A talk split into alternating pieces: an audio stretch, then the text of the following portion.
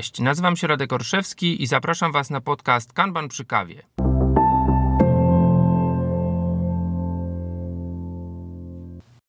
Witam Was wszystkich bardzo serdecznie w 13 odcinku podcastu Kanban przy kawie. Dzisiejszy odcinek po odcinku teoretycznym, no jak powinna już tradycja pokazać, będzie odcinkiem z gościem, ale nie wiem, czy możemy tą rozmowę nazwać wywiadem, bardziej rozmową, e, bo nie chcemy tutaj nikogo z niczego odpytywać, e, ale raczej dowiedzieć się czegoś e, wspólnie z obserwacji trzech osób, które z Kanbanem pracują i mają jakieś doświadczenie doświadczenie praktyczne.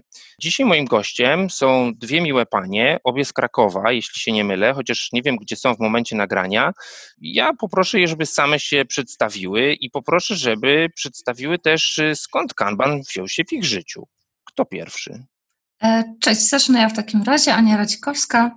E, tak, jestem w Krakowie. Mieszkam tutaj od kilkunastu lat.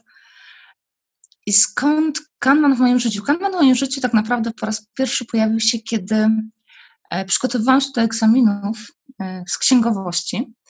Jeden z tych egzaminów nazywał się Performance Management e, i uczyłam się o Toyocie, uczyłam się o Just in Time i wtedy po raz pierwszy zobaczyłam słowo Kanban. Natomiast w tym kontekście słowo Kanban było tłumaczone jako pull system. I tak sobie gdzieś też go zapamiętałam, natomiast po raz kolejny Kanban w moim życiu pojawił się dzięki Kasi. E, kiedy zaczęliśmy pracować razem, Kasia pokazała mi metodę Kanban e, i właśnie w ten sposób zaczęła się moja przygoda z Kanbanem i trwa do dzisiaj. Mhm. Super, czyli od księgowości. To chyba tak ja, ja nie słyszałem jeszcze o takiej mhm. historii, także to bardzo, bardzo ciekawe. Aniu, przy okazji gratulacje. Odcinek się ukaże paręnaście, parę dni po tym, jak e, zostałaś trenerką oficjalnie metody Kanban, więc e, generalnie gratulacje i powitanie w gronie polskich trenerów czy trenerek. Dziękuję e, serdecznie. Jak to w czasach feminatyw trzeba odmieniać. No ale wspomniałaś o Kasi i Kasia zupełnym przypadkiem jest z nami. E, tak, cześć, e, cześć wszystkim. Nazywam się Katarzyna Czekaj. E, tak, też jestem z Krakowa, także tutaj wszystko się zgadza. Moja historia z Kanbanem zaczęła się troszkę inaczej.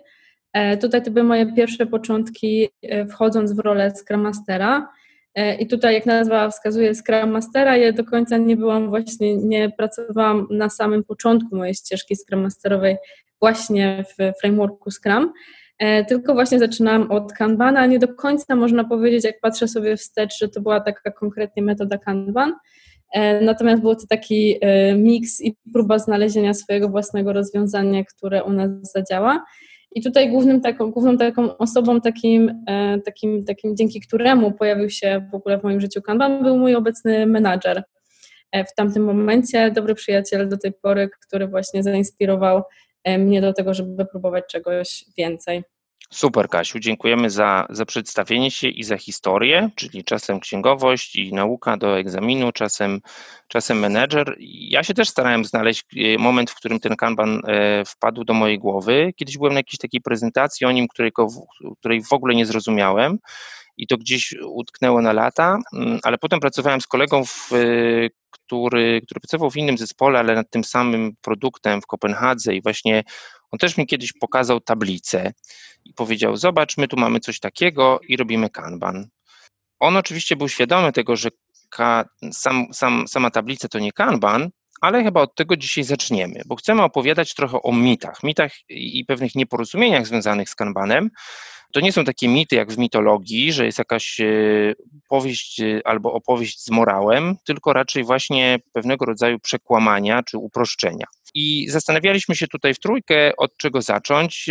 No i właśnie ta historia z tą tablicą, że Kanban tak mamy, bo, bo mamy tablicę. Co wy na to? Znaczy, to jest mit, z którym ja się spotykam chyba najczęściej w moim życiu, e, gdzie Kanban jest spłycany właśnie do samej tablicy. Te komentarze pojawiają się w różnej formie, właśnie tak jak mówiłeś, o, mamy tablicę, więc mamy e, Kanban wdrożony, czego od nas chcecie albo mamy tablicę, ale w sumie to nie działa i w sumie Kanban nie działa, e, albo mamy tablicę w Jirze i ona też nie do końca funkcjonuje, ale mamy, e, mamy Kanban wdrożony. Natomiast to, co mówiłeś o mitach i mitologii, tutaj troszeczkę się pozwolę z Tobą nie zgodzić, ponieważ dla mnie w tych wszystkich historiach jest morał. Dawaj. Zwłaszcza jeżeli ktoś um, jednak coś zmienia i stara się zrozumieć więcej, to e, morał zazwyczaj z tego jest taki, że ten kanban jednak działa. E, natomiast e, w momencie, kiedy on jest spłycony do samej roli tablicy, to rzeczywiście może być problem, bo bez zrozumienia tego, co jest więcej w metodzie Kanban, tego, co jest poza tablicą i tego, co metoda jako taka nam przynosi, o czym zresztą opowiadasz w swoim podcaście bardzo dużo, to to oczywiście działać nie będzie. Natomiast próbowałam się zastanowić ostatnio właśnie, skąd wzięła się, skąd wziął się ten konkretny mit, ta tablica w naszym kanbanowym życiu. Po pierwsze, moim zdaniem, jest to pierwsza z praktyk kanbanowych, więc to, co widzimy, visualize, wizualizuj, to jest właśnie pierwsza praktyka i to jest to, co, to z czym każdy się styka. Po drugie, ta tablica stała się w pewien sposób taką właśnie wizualną reprezentacją metody Kanban. E, I nawet my na szkoleniach, e, opowiadając o Kanbanie, próbując wizualizować jakieś e, działania, też rysujemy tą właśnie tablicę z kolumnami, czasem z poziomymi liniami. Więc gdzieś ta tablica cały czas się ludziom w głowie przewija. Natomiast oczywiście tablica jako jedna z metod wizualizacji to tylko jest szczyt góry lodowej. E, natomiast ja bym sobie tutaj pozwoliła też wrócić do tego, co pisze Anderson mm, w swojej książce, e, że używając metody Kanban, czy jakiejkolwiek innej metody do e, mówienia o pracy intelektualnej i o serwisie, mówimy cały czas o czymś, co jest zupełnie nienamacalne.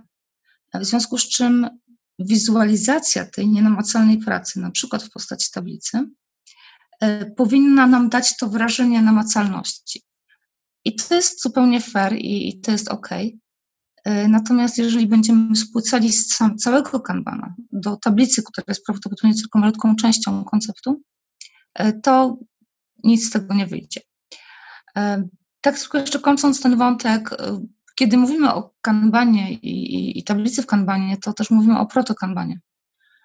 Bo jeżeli skracamy kanbana do samej e, wizualizacji, to to jest cały czas na poziomie proto kanbana.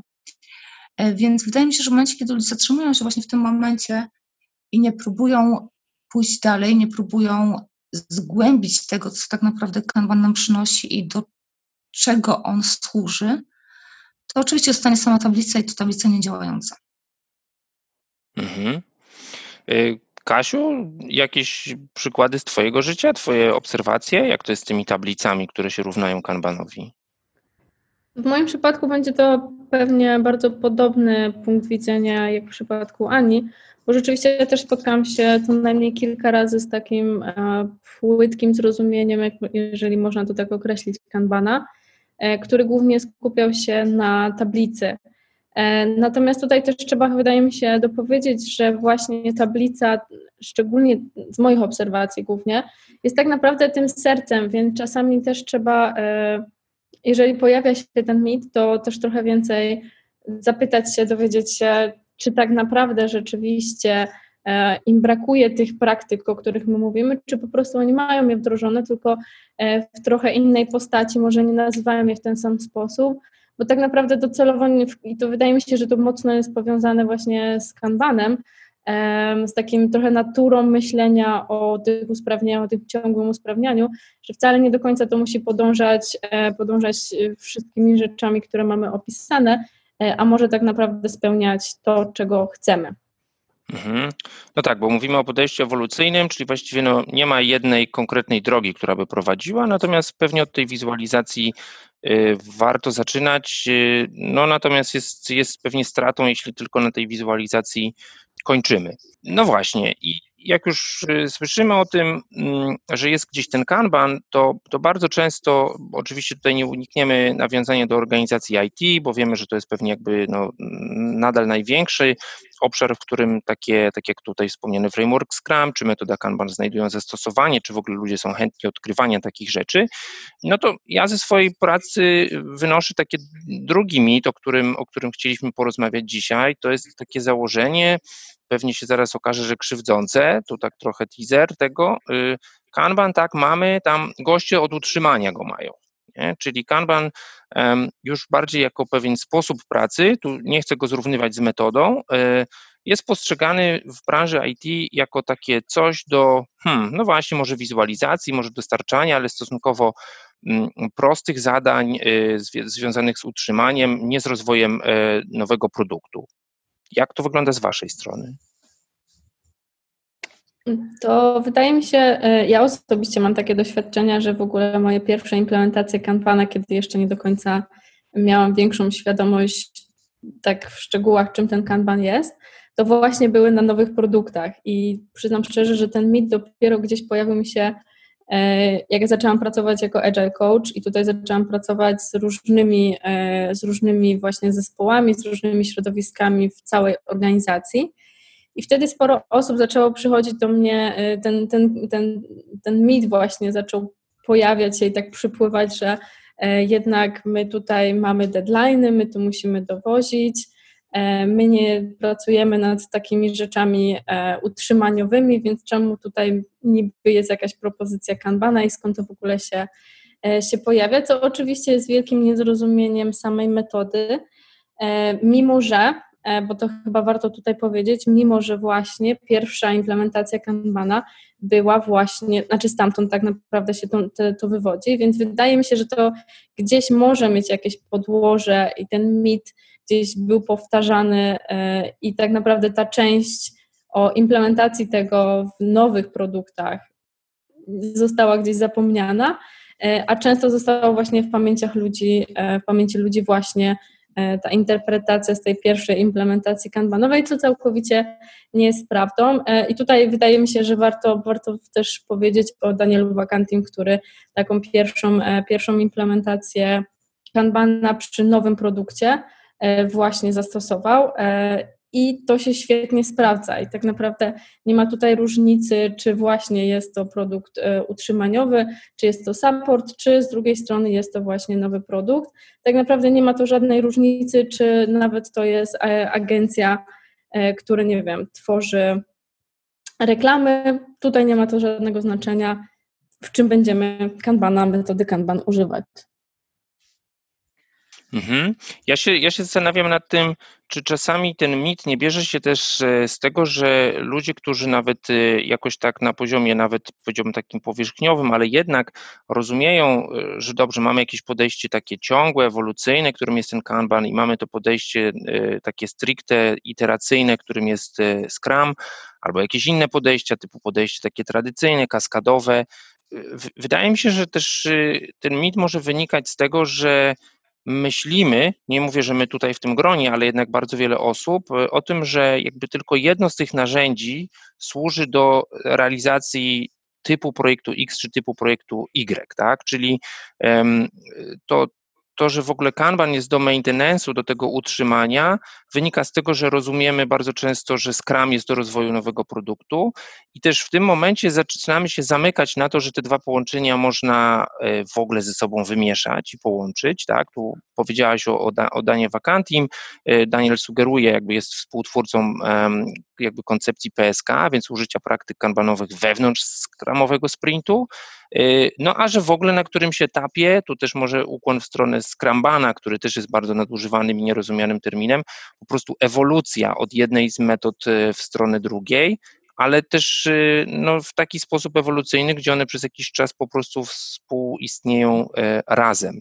Natomiast jeśli widzimy to na poziomie tego, że albo Scrum, albo Kanban, no to na, natychmiast próbujemy jakby jeden do jednego zmapować, że no Scrum do nowego produktu, no to, to Kanban do tego drugiego, tak, e, czyli do tego maintenance'u. No a jest jeszcze oczywiście całe spektrum rzeczy, o których powiedziałaś, czyli projekty e, w ogóle nie IT, tylko z jakiejkolwiek domeny pracy nienamacalnej, jak marketing, jak design, jak po prostu świadczenie jak, jakichkolwiek usług. Aniu, a jak jest u Ciebie z tym? Jak, e, jak, jakie Ty masz historie z tym związane? Tak, a ja właśnie jestem taka trochę od prawej do lewej, bo zawsze śmieję, że jedną nogą siedzę w IT, a drugą nogą siedzę ciągle w finansach. W związku z czym parę takich przykładów, gdzie ten Kanban w moim życiu funkcjonuje. Jeśli chodzi o tą stronę IT, to w tym momencie gdzieś zamykam dwa projekty, e, z których jeden od początku był prowadzony metodą Kanban mm, przez prawie półtora roku. E, I okazało się, że to był bardzo dobry wybór, bo z powodu różnych sytuacji, które się działy wtedy w projekcie, przyłożenie do niego skrama byłoby bardzo obciążające psychicznie, głównie dla zespołu. E, ponieważ przez kilka miesięcy e, nie mieliśmy w stanie nic dowieść. Jeśli chodzi natomiast o drugi projekt, to on powstał z Waterfalla, bo e, w założeniu był bardzo mały, bardzo krótki i do zrobienia w miesiąc. Później wyewoluował, przechodząc w Scrama, a następnie dość naturalnie, w sumie bez jakichś większych dyskusji, zaczął dryfować w kierunku Kanbana. Natomiast no to też pokazuje, że dużo zależy od zespołu i od tego, jak zespół rozumie to, co robi, to, co dostarcza z jednej strony, a z drugiej strony, jak zespół rozumie narzędzia, których używa. I mówiąc o narzędziach, myślę w tym momencie o skramie czy o kanbanie. Um, czyli to, co ma nas wspierać w dostarczeniu naszej pracy, jakakolwiek by ona nie była. E, w związku z czym wydaje mi się, że właśnie tutaj dojrzałość zespołu i świadomość zespołu i pracy są bardzo ważne. E, więc to jest moja część IT. Część finansowa e, też jak najbardziej się świetnie sprawdza w Kanbanie, ponieważ teraz pracuję w dziale finansowym i tam ludzie również używają Kanbanu. Nie, może nie w pełni, Powiedziałabym, że to jest taki bardzo proto-kanban, natomiast gdzieś pewne e, założenia są e, wdrażane. Natomiast trzecia historia to nie jest moja historia, ale jednego z trenerów, którzy się teraz współcertyfikowali ze mną.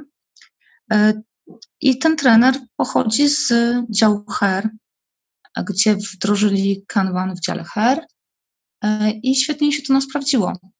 Mm, właśnie to był jego case study, który nam przedstawiał, bardzo interesujący.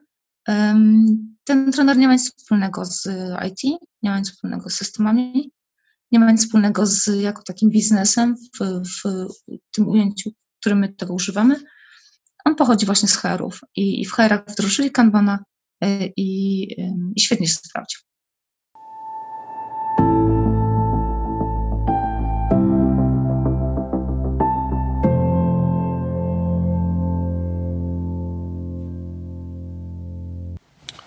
Ci z Was, którzy wysłuchali uważnie poprzedniego odcinka podcastu, nie są zdziwieni tym, że w połowie odcinka pojawia się jingle oraz że będzie zapowiedź. Znów zapowiedź wydarzeń, powiedziałbym, związanych ze społecznością kanbanową, może troszkę powiązanych też z działalnością e, osobiście moją i, i, i, wydarzeniami, jakie mają miejsce.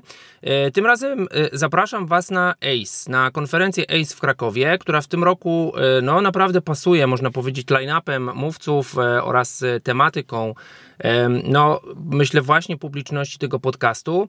E, dlaczego? Będą tam naprawdę wielkie nazwiska z e, całego świata. Mm, będą mówiły, powiedziałbym, o takich rzeczach właśnie leżących trochę w obszarach flow, trochę w obszarach lean, trochę w obszarach kanbanu, trochę na obrzeżach tego wszystkiego, ale naprawdę e, te tematy będą bardzo ciekawe.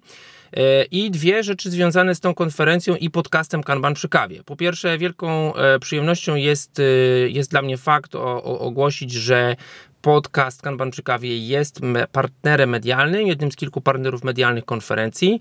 Mm, dlatego też, jeśli planujecie wybrać się na tę konferencję, to mamy dla Was e, kod, kod zniżkowy. E, znajdziecie go w mediach społecznościowych e, towarzyszący publikacji tego odcinka. Tak więc, jeśli ktoś jeszcze się wahał, zwłaszcza, że teraz w ostatnich dniach termin tej konferencji uległ przeniesieniu na wrzesień, na 16-18 września, oczywiście z powodu pandemii koronawirusa, jak wiele konferencji czy, czy wydarzeń szkoleniowych E, również ACE został, można powiedzieć, bezpiecznie przeniesiony na jesień. Druga rzecz to to, że ja na tej konferencji będę i będę też z podcastem, a więc e, chciałbym spotkać się tam z Wami. Jeżeli jesteście słuchaczami podcastu Kanban przy kawie i jakimś e, cudem, a może właśnie za sprawą tego kodu zniżkowego zdecydujecie się być na ACE w Krakowie, to zapraszam Was do tego, żebyście przynieśli swoje problemy, przynieśli swoje case'y, przynieśli swoje pytania. Chciałbym nagrać kilka wywiadów, kilka takich rozmów ze słuchaczami Oczywiście y, świetnie, jeśli one byłyby właśnie zakotwiczone wokół jakiegoś konkretnego problemu, konkretnego pytania, bo postaramy się znaleźć y, odpowiedź, rozwiązanie na te, na te Wasze przypadki e, w trakcie tej rozmowy. Porozmawiamy też może o tym, co ciekawego właśnie w takich obszarach kanbanowych, e, może już że wtedy będziecie po e, mieliście usłyszeć okazję na, na konferencji. I z takiego odcinka, przepraszam, i z takiej, e, z takiej serii e, wywiadów, rozmów chciałbym zbudować specjalny odcinek konferencyjny. Tak więc raz jeszcze zapraszam gorąco do Krakowa na ACE wrzesień 16-18 września 2020. Do zobaczenia, do usłyszenia.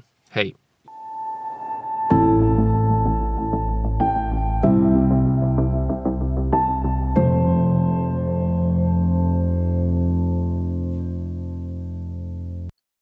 Mhm. No dobrze. Jakie, jakie mity jeszcze Wam przychodzą na myśl, e, jeśli, jeśli rozmawiacie z kimś, kto właśnie, no nie wiem, ma bardzo takie powierzchowne albo krótkie doświadczenie? Czy, czy coś Wam przychodzi na myśl? Ja słyszałam, że Kanban to chaos. Mm. Niemożliwe. Niemożliwe. Co znaczy, ten chaos znaczy? Co mhm. ten chaos? E, pewnie trzeba by zapytać um, osobę, która to powiedziała. Natomiast parę takich może dopowiedzeń e, też w kategorii mitów, które ktoś inny wypowiadał, że właśnie Kanban to sobie możesz używać, jak nie masz żadnych deadline'ów i tak sobie tam siedzisz, sobie pracujesz, przesuwasz sobie te karteczki e, i w sumie jest fajnie, kolorowo. To zresztą zainspirował jeden z wpisów na blogu właśnie na temat e, mitów Kanbana. I wydaje mi się, że to znowu gdzieś wszystko się łączy z tym, o czym już mówiliśmy, czyli po pierwsze z wizualizacją. Bo znowu, jeżeli ograniczymy wdrożenie Kanbana do samej wizualizacji, e, to oczywiście, że będzie chaos, bo nikt nie będzie wiedział, jakie są zasady pracy, co mamy robić, e, jak mamy limitować pracę, e, jak ta praca ma płynąć, jak my się w ogóle komunikujemy ze sobą. Z drugiej strony, jeżeli mówimy właśnie o tym chaosie to część i, i braku deadline'ów, to część osób gdzieś widzi ten maintenance, gdzie wpadają i wypadają zadania w ciągu dnia, czy kilkanaście, czy w ciągu godziny kilkanaście zadań. E, w związku z czym wydaje mi się, że to po raz kolejny jest brak e, głębszego zrozumienia, co jest e, istotą metody, która nam zresztą dostarcza bardzo wielu fajnych rozwiązań, żeby ten chaos opanować. O jednym z tych rozwiązań zresztą mówiłeś w ostatnim odcinku, czyli kadencję Kanbanu. E, to, co nam pomaga w jakiś sposób uporządkować sobie naszą pracę, ale też pracę ludzi, z którymi e, pracujemy, z którymi współpracujemy i środowiska, w którym funkcjonujemy na różnych jego poziomach. E, wszystkie zasady związane z zarządzaniem przepływem, wszystkie też zasady, które my sobie ustalamy i spisujemy albo omawiamy jako zespół, to, o czym mówiliśmy wcześniej, czyli zrozumienie tego, jak pracujemy, jakiej metody używamy, po co. Jeżeli my nad tymi rzeczami zaczniemy się zastanawiać, zaczniemy je wdrażać e, i zaczniemy korzystać z tych rozwiązań, które nam metoda Kanban proponuje, e, to ten chaos naturalnie znika i ta kompleksowość pracy w naturalny sposób jest minimalizowana. Mhm. Kasiu, ty się spotkałaś z czymś takim, że to jest chaos? Ja myślałam, że to jest kraina wiecznej szczęśliwości, no bo nie ma żadnych deadline'ów. E, dokładnie, nie ma deadline'ów, jest wszystko pięknie i wspaniale. Ja osobiście spotkałam się z tym e, pracując w dużych korporacjach, natomiast porównując na przykład obecnie pracuję w małym startupie, porównując środowisko, wydaje mi się, że czynnik tutaj główny, który gdzieś zaważa na tym, e, na tym micie, że on w ogóle pojawia się w głowach ludzi, jest w pewien sposób taki model mentalny wypracowany e, przez lata pracy właśnie w takiego typu organizacjach, bo całkowicie powiedzmy sobie szczerze, całkowicie wygląda inaczej praca w środowisku, w którym kultura nam pozwala na pewne rzeczy, a całkowicie inaczej wygląda praca, w której kultura organizacyjna jest w pewien sposób wypracowana w całkowicie inną stronę.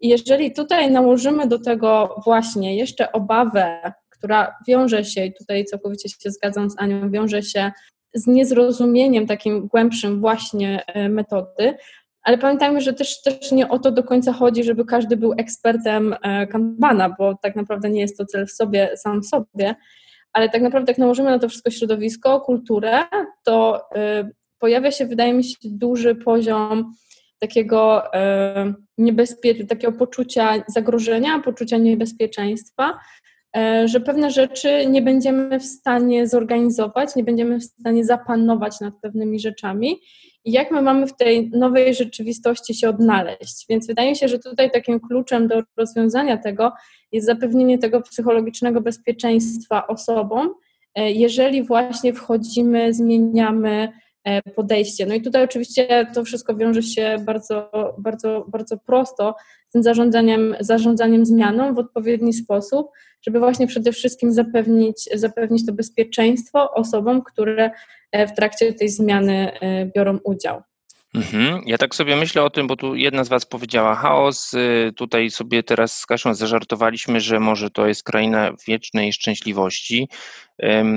Ja bym powiedział tak, no, znajduję czasami na swojej drodze organizacje, w których no, po prostu nie ma deadline'ów, albo może inaczej, deadline'y są komunikowane, ale też nie ma żadnych konsekwencji, jakich nie zrealizujemy, tak? To, to, to może właśnie jest właśnie też kwestia kultury, tak? Ja zawsze będę powtarzał, że jestem wielkim fanem takiej definicji kultury, organizacyjnej jako y, zestawu najgorszych akceptowalnych y, w organizacji zachowań. Tak? Czyli jeśli sobie powiemy, że coś ma być zrobione na kiedyś, nie zostanie i nie ma żadnych konsekwencji, no to właściwie dlaczego się starać? I, nie mówię tu tylko i wyłącznie o konsekwencjach takich źle pojętych, że nie wiem, będziemy na kogoś wskazywać palcem, ale chociażby poszukiwania przyczyny, dlaczego tak się stało, prawda?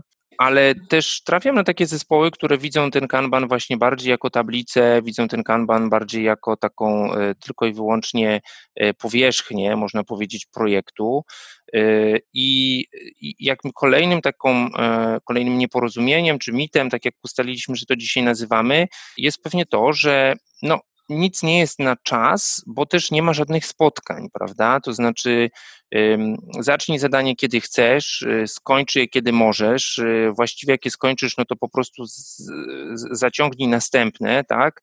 Y, nie ma żadnych tutaj takich interwałów, które nas w jakiś sposób mocno próbują, nie wiem jakie to jest dobre słowo, zmobilizować, tak jak oczywiście przy, przy skramie, no to jak to jest? Czy my mamy w Kanbanie w ogóle odpowiedź na to, żeby wy, wyznaczać sobie jakieś e, daty, jakieś e, oczekiwania? Czy wiesz co, Radku, ja to jeszcze może dorzucę do tego jedną rzecz, z którą ja się stykam prowadząc szkolenia, e, czy też szkolenia z zakresu wstępu do Agile'a, czy możesz też szkolenia z sekwencjonowania pracy, czy priorytetyzacji pracy. To, co ja słyszę właśnie opowiadając w trakcie tych szkoleń o, o Kanbanie, to to, że no dobrze, ale wiesz, my właśnie mamy deadline'y i kanban, na kanbanie sobie przesuwasz te karteczki yy, i właśnie nie wiesz, kiedy skończysz pracę, bo nikt się nie jest w stanie zobowiązać do niczego.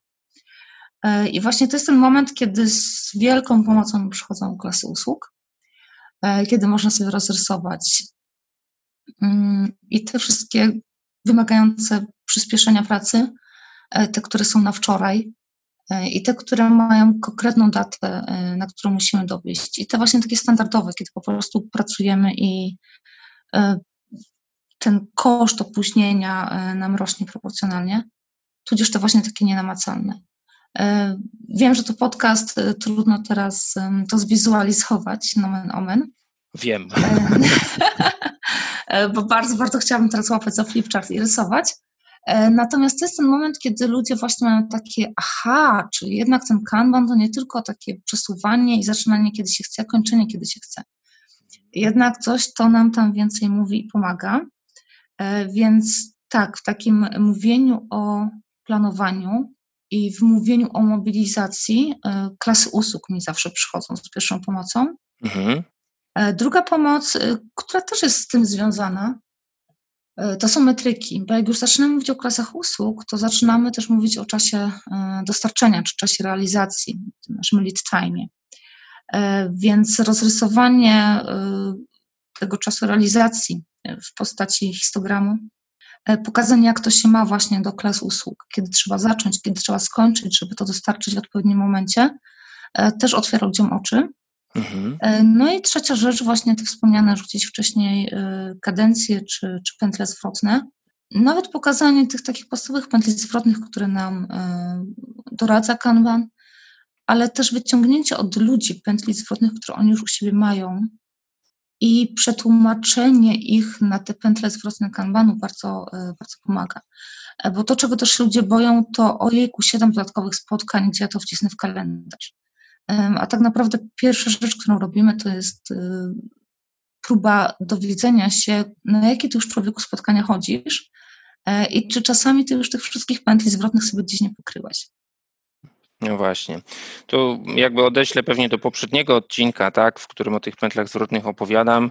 Yy, gdzieś tam sobie pomyślałem, że, że dobrym jest myśl o pętlach zwrotnych, nie myśl o spotkaniach, tak, jakby spotkanie, sama pętla zwrotna, czyli to, że sobie yy, wyznaczamy jakiś moment, w którym decydujemy, co, co zrealizować następne oraz yy, to, że w jakimś momencie byłoby fajnie, może nawet regularnym i właśnie może w postaci spotkania patrzeć na to, jak realizujemy te klasy usług i, i budować, odświeżać te, te oczekiwania. No ale na pewno jest to trudno, bo też y, nie ukrywajmy, po prostu wiedza na ten temat jest, y, jest raczej y, niewielka. Tutaj pewnie jakby kamyk do naszego ogródka, jeżeli chodzi o, o, promowanie tych wszystkich rzeczy, o po prostu uświadamianie tego, mm, naszym odbiorcom, e, bo też nie chodzi o to, żeby w tym odcinku powiedzieć, że są mity, no bo odbiorcy są jacyś e, źli, tak? E, to, to zwykle jest po prostu brak edukacji, pewne, pewne założenia, może też działanie w tej takiej zajętości i pośpiechu, kiedy no nie myślimy o tym, żeby, żeby w ogóle się zastanowić i, i właśnie dokonać jakiejś, jakiejś refleksji. Nagrywamy ten odcinek w czasach epidemii, już chyba można powiedzieć koronawirusa. Nie wiem, czy, czy wy dziewczyny widziałyście to, ale wczoraj na, na Twitterze zrobił karierę taki taki tweet, który pisał, że COVID-19 wygląda jak ticket w Jirze. E, to, to milion, chyba tysiące przynajmniej, e, że tak powiem, retweetów i, i, i lajków, już to myślę na inne media społecznościowe też wylądowało. Mnie korciło trochę, żeby założyć w jednej Jirze taki projekt COVID i zrobić taki ticket. E, no właśnie, ale też myślenie narzędziami to też jest niestety, co, no, narzędziami elektronicznymi szczególnie, to jest też coś, co pewnie w jakiś sposób dotyka czy, czy uniemożliwia albo blokuje głębsze zrozumienie chyba na poziomie trochę humorystycznych mitów, ale no mi się spod, udało spotkać ludzi, którzy myśleli, Kanban to jest taki typ widoku w Jirze. Wy, wy też spotkałyście kogoś takiego? Czy tak bezpośrednio? Może nie, natomiast tak, są zespoły, które ograniczają użycie tablicy Kanbana do Jiry i nic więcej, mimo że czasem sugeruję delikatnie, że może jednak spróbujmy w wersji tablicy na ścianie, zwłaszcza jeżeli ten zespół siedzi razem i nic nie stoi na przeszkodzie, to nie, nie, Ania, wiesz, my już mamy kanbana w Jirze i w ogóle daj spokój. Um, natomiast jakoś nie staram się tutaj oczywiście nic na siłę wdrażać, bo dopóki zespół korzysta z tej wizualizacji, ta wizualizacja jest dla tego zespołu ok, na tym poziomie, na którym e, ten zespół jest, no to tak jak na tej Kanban radzi, malutkimi krokami y, zmieniamy świat. Ja w sumie podobnie jak Ania, y, dodałabym tutaj chyba taki jeden aspekt, który mi się teraz pojawił w głowie, że wydaje mi się, że czasami używanie tych narzędzi typu przykładowo Jira może właśnie prowadzić do tych mitów, o których rozmawialiśmy wcześniej, ponieważ niektóre rzeczy, które chcielibyśmy wykonać, w sensie możemy z łatwością wykonać na fizycznej tablicy, będą właśnie pewną przeszkodą do wykonania na tablicy, e, która będzie w jakimkolwiek narzędziu. Przykładowo tak, takie najprostsze chyba, chyba użycie, czyli przykładowo jak mamy sobie różne te stany naszego procesu i chcielibyśmy sobie napisać polityki pod spodem. Fizycznie możemy po prostu wziąć dowolną, nie wiem, kartkę, możemy to napisać na tablicy, możemy to zrobić, uruchomić kreatywność zespołu, skorzystać z niego i zrobić to w dowolny sposób. Natomiast te narzędzia elektroniczne często nie dostarczają nam żadnego rozwiązania, dzięki którym będziemy na przykład takie polityki albo jakieś dodatkowe teksty, dodatkowe rzeczy być w stanie sobie właśnie w tą tablicę online'ową powkładać i przez to wydaje mi się też, że ich tam nie ma, rodzą się pewne, pewne niezrozumienia, ponieważ one w ogóle są niedostępne, a niby ta nazwa gdzieś połączy, łączy się z tym i gdzieś nie wspiera e, w tak dużym stopniu nawet tej samej wizualizacji, nawet gdzieś tej wizualizacji właśnie wchodzenia E, w głąb w tą samą wizualizację, która później też jest triggerem do e, innych rzeczy. I tak naprawdę też ją wykorzystujemy tutaj cross, e, można powiedzieć, na takim przecięciu tych wszystkich praktyk w kanbanie, o których mówimy. Ja widzę duże takie zafiksowanie na, na te narzędzia elektroniczne. Mm, czasami to mam wrażenie jest taki opór, nawet czasami powiedziałbym jawnie wypowiedziany, że no nie, nie, jesteśmy, nie jesteśmy dziećmi, nie, nie będziemy się tu bawić w karteczki, a z drugiej strony utyskiwanie właśnie na to, jak te narzędzia elektroniczne, tak jak mówisz, są nieelastyczne, ja też powiem coś może w obronie tej Jiry, nie? że jeśli masz prawa administratora w tej Jirze, to, to pewnie ona jest trochę bardziej elastyczna. Natomiast w bardzo wielu organizacjach oczywiście no nie ma mowy o tym, żeby członek zespołu, czy nawet osoba wspierająca zespół mm, takiej możliwości y, no jakby w miarę szybkiej adaptacji narzędzia elektronicznego miała. To jaka rada dla wszystkich, którzy może wysłuchają tego podcastu i sobie powiedzą, o w mojej organizacji też, y, też ten mit pokutuje, może sami odkryją, to też jest zawsze nadzieja dla naszego podcastu, że e, dowiedzą się e, o tym, że można i ten kanban w księgowości, albo że, że można wyjść poza Jirę, ale taka sugestia, jak z tymi mitami walczyć, jak, jak te mity obalać, co byście poradziły? No właśnie, zabawne, że o to pytasz, bo ostatnio zdarzyło mi się popełnić wpis na blogu na temat mitów i też zadałam dokładnie to samo pytanie. Jak z tymi mitami walczyć, ale czy w ogóle jest sens z nimi walczyć? E, bo po jakiejś takiej dłuższej refleksji doszłam do wniosku, że jednak nie ma sensu, e, bo to jest walka z wiatrakami po prostu. E, te mity są dość mocno zakorzenione i nie czuję się na siłach, aby je obalać. Zresztą to też jest naturalna reakcja ludzka i wynik tego, jak pracuje nasz mózg, że właśnie te mity tworzymy, żeby sobie uprościć rzeczywistość, bo tak naprawdę tym one są uproszczeniem rzeczywistości. E, bo Kanban z jednej strony jest bardzo prosty, przez to, że ma sześć praktyk, sześć e, pryncypiów, dziewięć wartości i w sumie możemy zaczynać. A z drugiej strony właśnie przez to, że tych e, zasad jest tak mało, jest bardzo trudny, bo trudno jest gdzieś zahaczyć się o y, wcześniejszą wiedzę, y, jeżeli mamy tak mało zasad dopisanych. Y, nie ma procedury, jak wdrożyć Kanban w naszym zespole. W związku z czym ja raczej bym nie walczyła z mitami i nie obalałabym już więcej mitów. To, co ja próbuję robić, to rozmowa z zespołami, czy też szkolenia dla zespołów, z mojego punktu widzenia najbardziej efektywne e, szkolenia, tudzież spotkania w małych grupach, e, na konkretnych e, przykładach, które ludzie przynoszą, gdzie możemy pokazać rzeczywiście, co działa, co nie działa, nawet wdrażając statik w takim zespole, który zazwyczaj świetnie wychodzi. Natomiast czy my jesteśmy w stanie obalać mity globalnie, nie wiem. E, możemy oczywiście nieść kaganego światy, pisać o tym i tutaj jak najbardziej się zgadzam z tym, co mówisz. Natomiast już troszkę porzuciłam nadzieję, że e, moje pisanie i moje mówienie na skalę globalną coś zmieni. Więc raczej praca u podstaw e, z moimi zespołami. I, liczy, I liczę na to, że te zespoły poniosą informacje dalej. Mhm to pewnie jest trochę be like water, prawda? Trochę to, co, to, to czego w Kanbanie, w metodzie Kanban y, i się uczymy i uczymy innych, żeby rzeczywiście może nie iść, y, nie iść na wojnę tak jakby prostopadle względem jakiegoś oporu, bo e, no bo rzeczywiście tylko możemy stracić y, energię i, i, i duże siły i zapału, e, więc może ten kamień rzeczywiście obchodźmy, Kasiu, z Twojej strony udało Ci się może jakiś mit obalić, udało Ci się kogoś wyprowadzić z jakiejś, e, nie wiem, e, sfery mgły informacyjnej?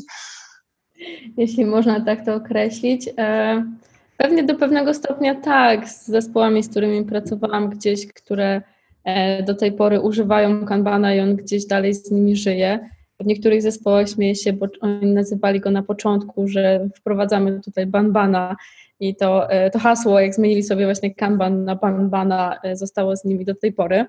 E, ale używają tego dalej, to dalej u nich działa, więc wydaje mi się, że przede wszystkim przez pokazywanie tego, wdrażanie tego małymi krokami, słuchanie, przede wszystkim słuchanie, takie głębsze słuchanie i zespołu, i rzeczywiście jakich oczekiwań i potrzeb, jakie oczekiwania i potrzeby mamy, bo pamiętajmy od tego, że od tego zaczyna się zmiana i to wcale nie oznacza, że Kanban jest jedynym słusznym rozwiązaniem. Słuchajmy, dopasujmy to, co robimy do kontekstu. bo często próbujemy e, dociągnąć właśnie jakikolwiek sposób pracy, ponieważ go znamy, dobrze się z nimi czujemy i wprowadzamy ten kontekst, e, ten sposób pracy do, do całkowicie innego kontekstu, a wydaje mi się, że powinniśmy trochę zmienić narrację, też jako osoby, które wprowadzają to i też e, ja bym tego bardzo sobie życzyła, żeby wszystkie osoby, które są właśnie czy liderami, czy próbują gdzieś wciągać te nowe sposoby pracy, patrzenie trochę w inny sposób, żeby przede wszystkim zaczęło od tego, żeby po prostu słuchać. Po prostu słuchać tego, gdzie jesteśmy, kim jesteśmy jako, jako zespół, jako ludzie, jako organizacja i czego my tak naprawdę potrzebujemy i do tego dostosowywać dopiero e, podejście i dopiero szukać tego, co u nas, co u nas tak naprawdę może zadziałać. Mhm. Jasne. Dziękuję Wam obu za, za podzielenie się Waszymi historiami, e, też za tą radę, bo rzeczywiście no, jakby pójście na ten opór i, i walkę globalną, tak jak mówisz Aniu, z mitami, e, to pewnie e, ani żadnemu z nas nie starczy czasu w życiu, ani, ani energii i to na pewno nie byłby mm, najlepszy sposób jej spożytkowania. Na pewno możemy robić dużo po prostu lokalnie, czy, czy w tych obszarach, w których funkcjonujemy. Ja Wam serdecznie chciałem bardzo podziękować za udział. Y, pierwszy taki odcinek z trzyosobową rozmową. Jak zwykle mamy nadzieję, że jest to jakaś wartość dla wszystkich słuchaczy. Jeśli może znacie jakieś mity, z którymi chcielibyście, żebyśmy się w przyszłości rozprawili, e, może jakimś, y, o jakimś micie nie wiemy, może jakiś pominęliśmy, może do tego, o czym e, dzisiaj rozmawialiście, mm, rozmawialiśmy, macie jakiś komentarz. E, jeśli tak jest, to oczywiście zapraszamy do pozostawienia wiadomości Aniu, ty wspomniałaś kilka razy o blogu. E, ja będę bardzo chętnie chciał te wpisy, do których się odniosłaś, e, umieścić może w opisie mm, tekstowym odcinka, tak żeby e, słuchacze i słuchaczki mogli znaleźć te treści. A gdybyś miała zareklamować, gdzie możemy to znaleźć, pod jaką nazwą? Kanban Dragons, czyli dwie kanwanowe smoczyce z Krakowa. Chyba zaspoilowałam właśnie nazwę. Nie, bardzo dobrze. Więc prowadzimy bloga, gdzie opisujemy różne nasze przemyślenia związane z kanbanem, ale nie tylko. Mhm. Ale też zapraszamy na YouTube'a. E, tam publikujemy takie krótkie filmiki, e, krótkie wideo animowane, gdzie możecie się nauczyć podstaw, absolutnych podstaw, podstaw kanbana. Mhm. I mam nadzieję, że to właśnie e, krótkie animacje zainspirują Was do tego, żeby szukać dalej i dowiadywać mhm. się dalej. Jasne. Super. To ja Wam raz jeszcze serdecznie dziękuję. Dziękuję jak zwykle wszystkim słuchaczom za to, że postanowiliście spędzić ten czas tak, a nie inaczej, wsłuchując się w naszą rozmowę. E, to co, do usłyszenia i do zobaczenia pewnie przy jakiejś okazji. Dzięki serdeczne. Dzięki bardzo.